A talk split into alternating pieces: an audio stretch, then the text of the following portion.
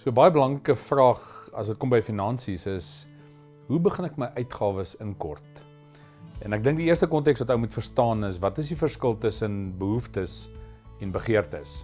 So baie keer balanseer ons ons uh, begroting met 'n groot klomp begeertes wat ons daar aangesit het.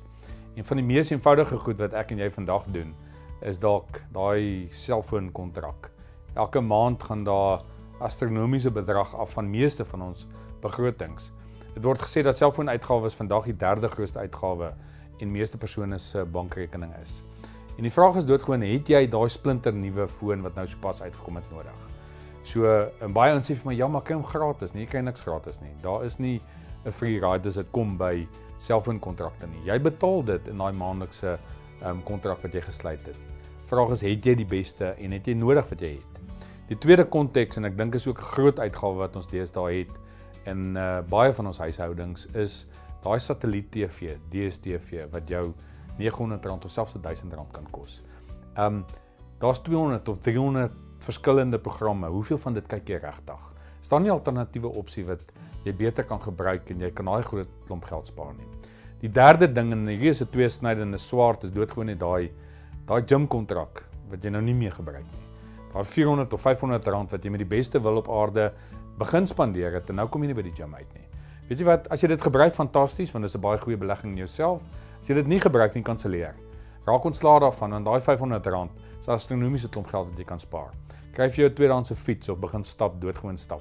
Dis die beste oefening wat jy kan kry en jy spaar sommer 'n klomp geld daarmee saam. 'n Ander konteks daarvan is dat in terme van jou bestaande begroting, uh, hoe gereeld hersien jy jou versekerings, korttermynversekering spesifiek? Ehm um, elke jaar neem jou kar af in waarde en jy gaan doodgewoon net nie uitbetaling kry waarvoor jy dalk nou betaal nie. So doen hersiening van jou versekerings elke jaar. Ehm um, daar's 'n groot klomp kompetisie tussen maatskappye daar buite. So hulle ding mee vir jou besigheid.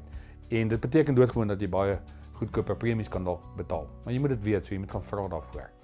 En aan die einde van die dag is dit baie belangrik om seker te maak dat jy beheer begin neem binne in jou begroting.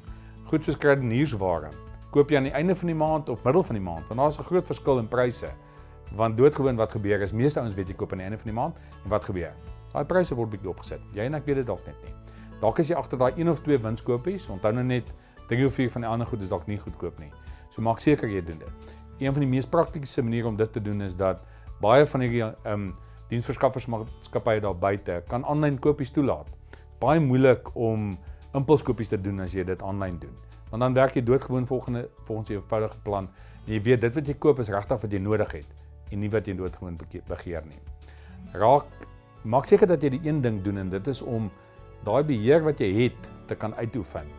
Een van die grootste uitdagings wat ek en jy het, is daai konteks van impulskopies. So doen die 1 minuut reël.